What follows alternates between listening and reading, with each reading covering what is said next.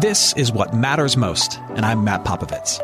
Look, life is crazier than ever, and lots of people, maybe even you, are feeling anxious and overwhelmed. Today's message is designed to help you figure out what's most important and to experience the peace and joy that God intends for you. Because life is a gift, and it shouldn't be wasted on worry. I'd like to give you a resource, something to help you navigate the road ahead. Just go to mattpopovits.com, click on the icon, and we'll send it to you. That's Matt, P-O-P-O-V-I-T-S dot com. And hey, if you happen to live in the Houston area, I'd love to see you on a Sunday morning at St. Mark in Spring Branch. Head to stmarkhouston.org to plan your visit. Here's today's message. Thanks for listening. Today we're continuing a teaching series called How to Adult, where we're looking at what it means to be a mature adult follower of Jesus in the modern age. We kick things off by talking about how maturity made in the image of Christ begins by looking at your heart. That we ultimately drift toward and we become that which we love the most.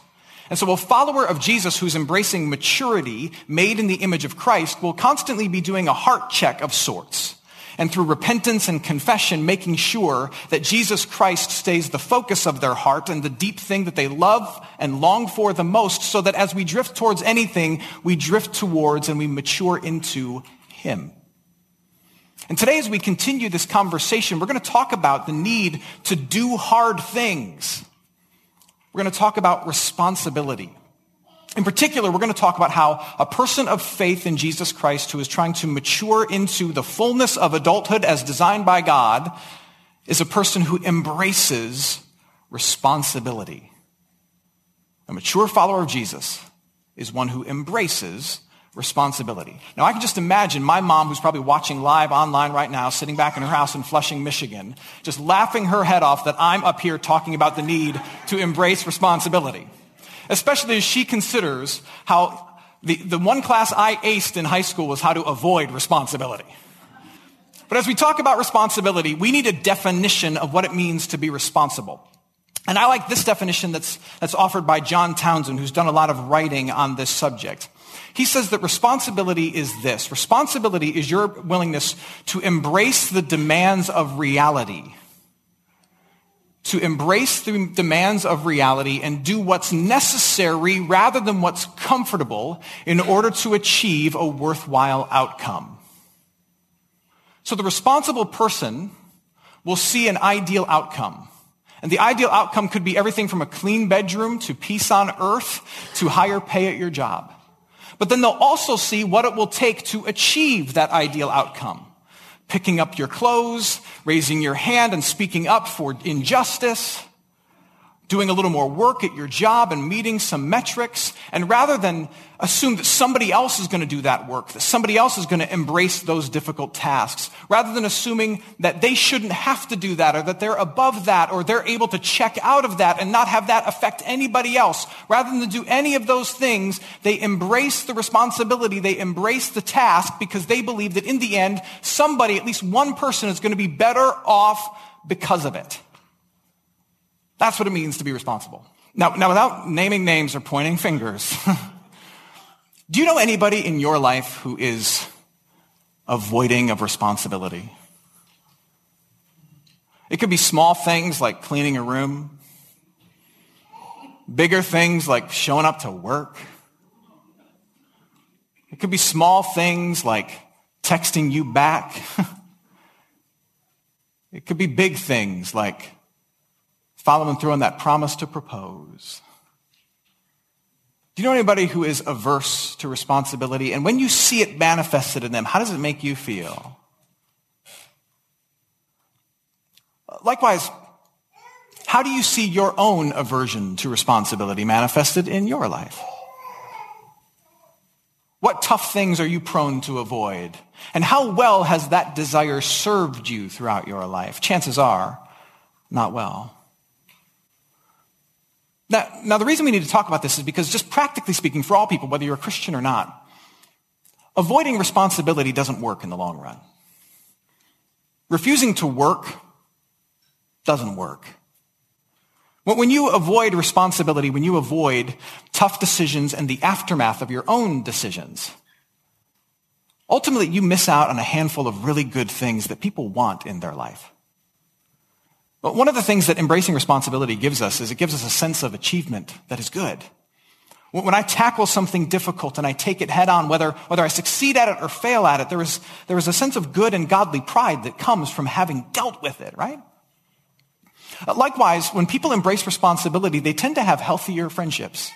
Uh, lazy and irresponsible people have friends too, but they tend to have unhealthy friends who enable their laziness and irresponsibility. Whereas people who embrace difficult things and take them head on, people who like mature people tend to be drawn towards you and you tend to have richer and more robust relationships. Lastly, when you deal with difficult things, you respect yourself. People who are willing to do the difficult things that, that other people maybe aren't willing to do, they may succeed at them, they may fail at them, but you know what else? They like who they see when they look in the mirror. And that's a good thing.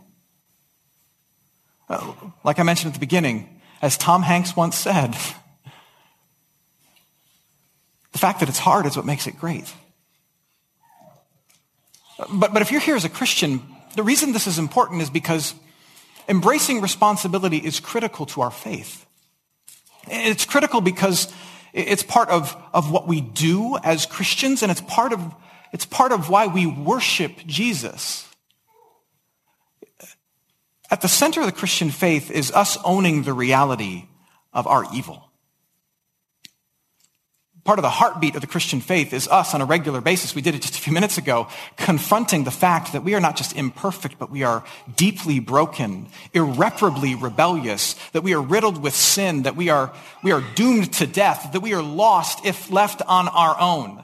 Part of the Christian faith is, is being responsible enough to confront and admit your deep, deep, deep brokenness.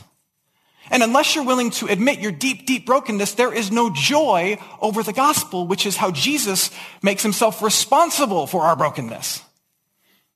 As an example, I want to show you the words of the common Christian confession of sin. Uh, every so often we will use these words in our confession, but there are Christians around the world and thousands of churches this morning who are using these words of confession. Most merciful God, we confess that we are by nature sinful and unclean. We have sinned against you in thought, word, and deed. Does that sound familiar? By what we've done, by what we've left undone. We have not loved you with our whole heart, and we have not loved our neighbors as ourselves.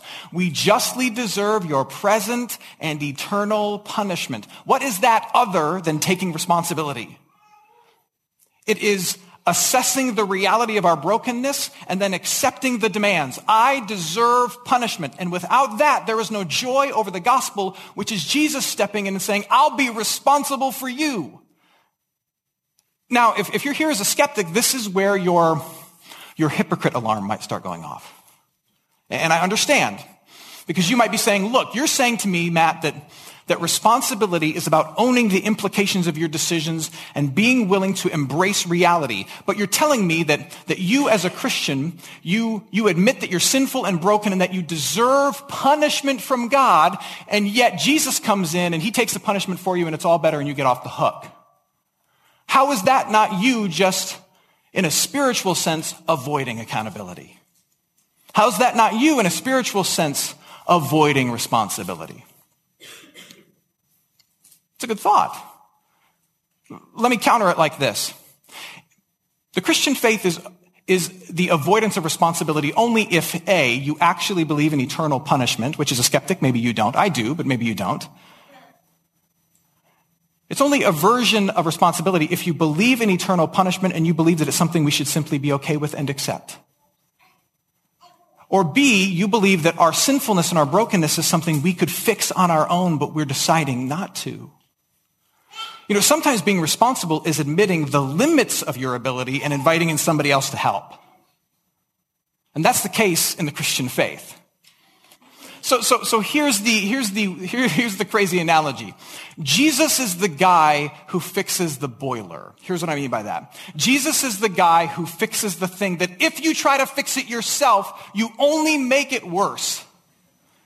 He comes in and he assesses our state and he says these people are deserving of punishment from the Father. They have no ability to right things on their own. They are relentlessly stuck in rebellion and doomed to death and they can't do a darn thing about it. He assesses it and then he embraces the demands. And if they are to have a hope, someone's going to have to live for them, die for them, rise for them, put, their, put his own spirit inside of them to change them. Somebody's going to have to do that. And he takes that responsibility on his own two shoulders shoulders. He carries the implications of every human sin on his own two shoulders. He dies under the weight of it. He rises out from underneath it so that he can free all of us from it. Sometimes being responsible is understanding the limits of your ability and handing your future off to somebody else who can actually fix it. And that's what we have in the Christian faith. And we have no greater example of that than in the Garden of Gethsemane moment that we just heard from the Gospel of Matthew. In fact, I want, to, I want to take a few moments and look at this because if we're going to study maturity made in the image of Christ, and if part of maturity is accepting responsibility for what's put in front of you, there is no greater picture of this than Jesus in the Garden of Gethsemane. Now, I walk through this, I don't want to moralize it and make it a bunch of good things we should do, but rather I want to take this and just marvel at the responsible love that Jesus shows to us. Matthew chapter 26, starting at verse 36. Jesus went with them to a place called Gethsemane. He said to his disciples, sit here while I go over there and pray. Pause right there. Gethsemane translated out into English means olive press. It was a garden where they made olive oil. They would take the olives and they would press them and crush them until the oil came out. And Jesus comes to this place to purposely ponder the responsibility set before him to set himself underneath it and be pressed by it. And you see that he's, un, that he is ultimately under the, the weight of anxiety over what he has to do. He takes time to confront this difficult reality. Verse 37, and taking with him Peter and the two sons of Zebedee, he began to be sorrowful and troubled. Then he said to them, my soul is very sorrowful, even to death. Remain here and watch with me.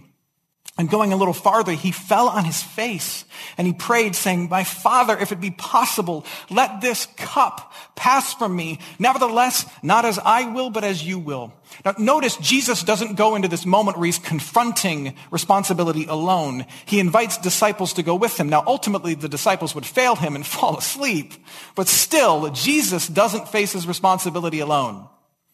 Maybe one of the reasons that you are struggling to be responsible in a certain area of your life is because you have no one there with you to encourage you, no one there to hold you accountable. Just a thought.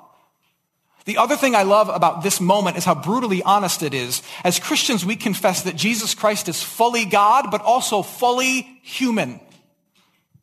And we see the humanity of Jesus on display. Jesus is afraid. Jesus is hesitant. Jesus is anxious. He doesn't want to do this. He wants to avoid this in some part of his humanity. He says he's so anxious about it, he feels like he's going to die. Now, now this should be encouraging to you as you face something that you struggle to be responsible for. Being responsible doesn't mean you're fearless. Certainly didn't for Jesus. Being responsible doesn't mean you're free of anxiety. It didn't for Jesus. But also, fear and anxiety don't get you off the hook for having to be responsible. It's just part of the deal. Verse 40, he came to the disciples and found them sleeping, some friends. And he said to Peter, so you couldn't watch with me one hour? Watch and pray that you may not enter into temptation. The spirit indeed is willing, but the flesh is weak. Again, for the second time, he went away and he prayed, My father, if this cannot pass unless I drink it, your will be done. And again he came and found his friends sleeping, for their eyes were heavy. So leaving them again, he went away and he prayed for the third time, saying the same words again. Now here's the words that stick out to me. Jesus says, if this cannot pass unless I drink it, your will be done. If you want to picture what it means to be a responsible, God-honoring, neighbor-loving human being, that's what it is. Jesus is saying, look, if the only way to get this right is for me to do the tough thing, if that's the only way, then so be it. And he prays that three times. And that's incredible, especially when you consider what drinking the cup, as Jesus said, actually meant. It meant taking upon himself God's anger for every sin that's ever been committed.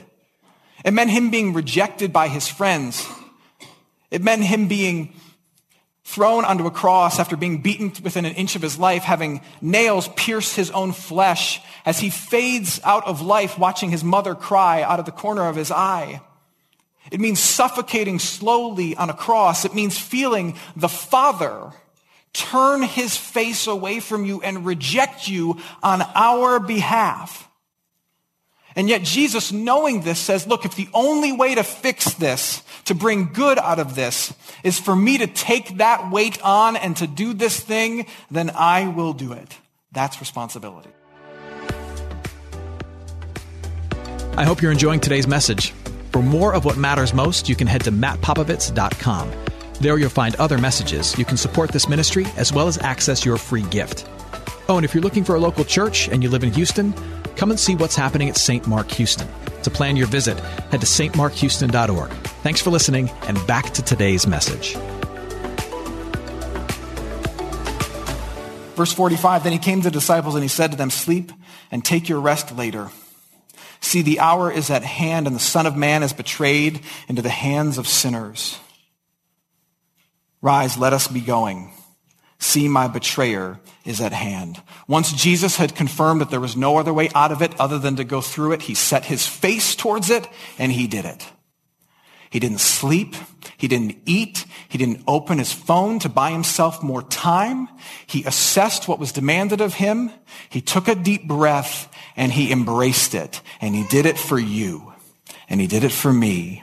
He did it for all of us. Now, now that responsible love of Jesus, if you're here as a Christian, that responsible love of Jesus, it frees us. It, it frees us to be people who embrace responsibility too.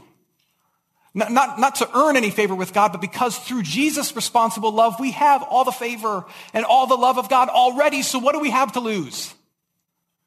There are lots of reasons why you can, as you move forward in your life of faith, embrace difficult things and be a person of responsibility. I want to highlight just a couple of them. Number one, because you're grateful.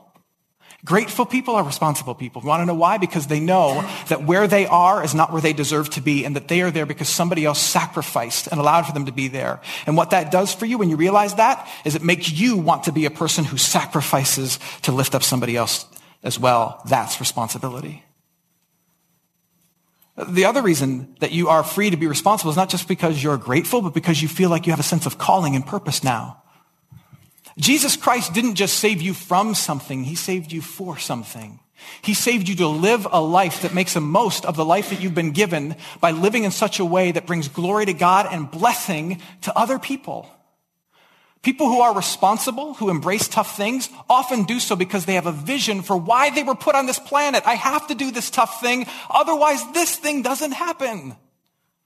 And that's who you are. You have been saved not just from sin, death, and the devil, but for a life of bringing glory to God and blessing to others, not by going around hard things, but by diving into them.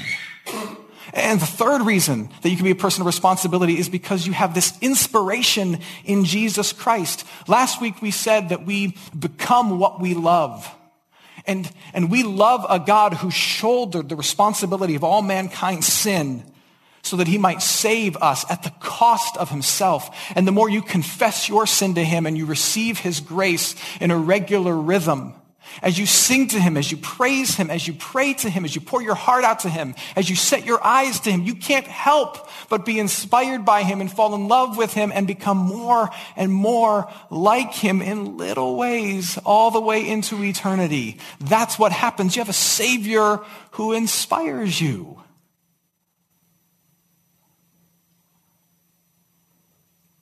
That's why you are responsible person. Uh, let me close with this.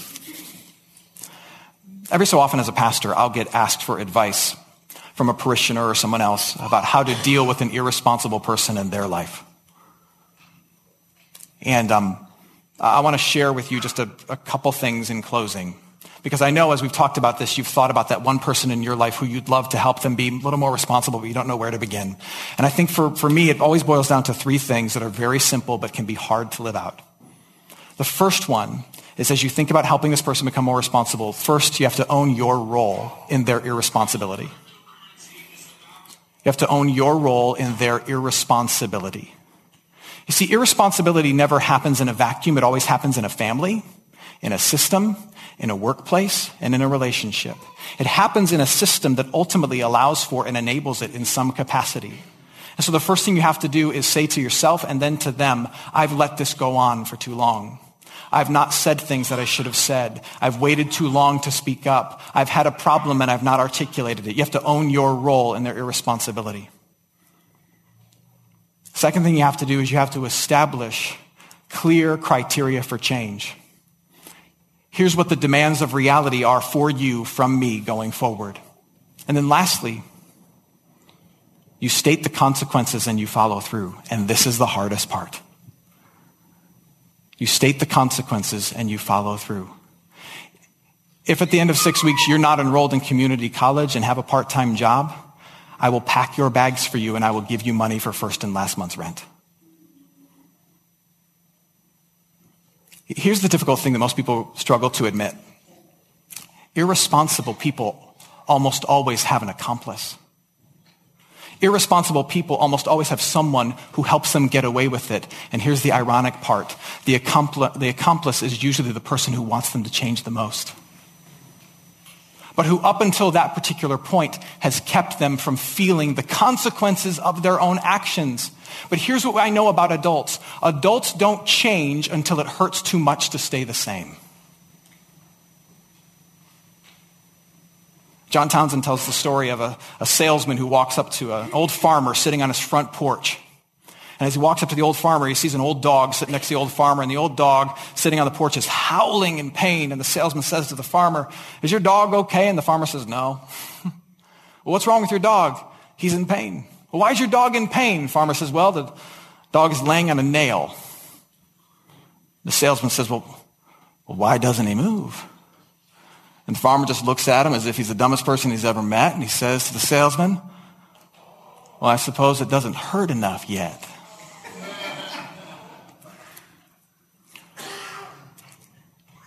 In loving an irresponsible person, your job sometimes, oftentimes, if not every time, is to help them see how their choices are hurting themselves and others.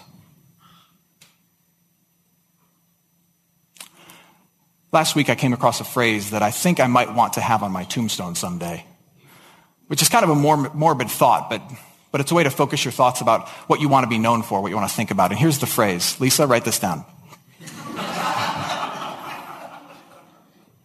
The phrase is this dirty hands and a clean heart. Just go with me for a second. I think it's a great picture of, of what the work of Jesus ultimately can do in our lives and what it's meant to do in our lives. Through faith in Jesus Christ, you have a clean heart, a clean conscience towards God the Father.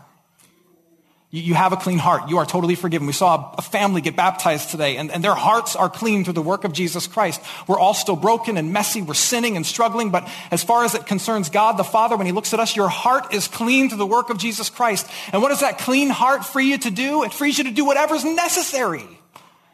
It frees you to get your hands dirty and do whatever's necessary to love other people with no thought of your future, with no worries about whether or not you're going to be okay because your heart is clean and your God loves you.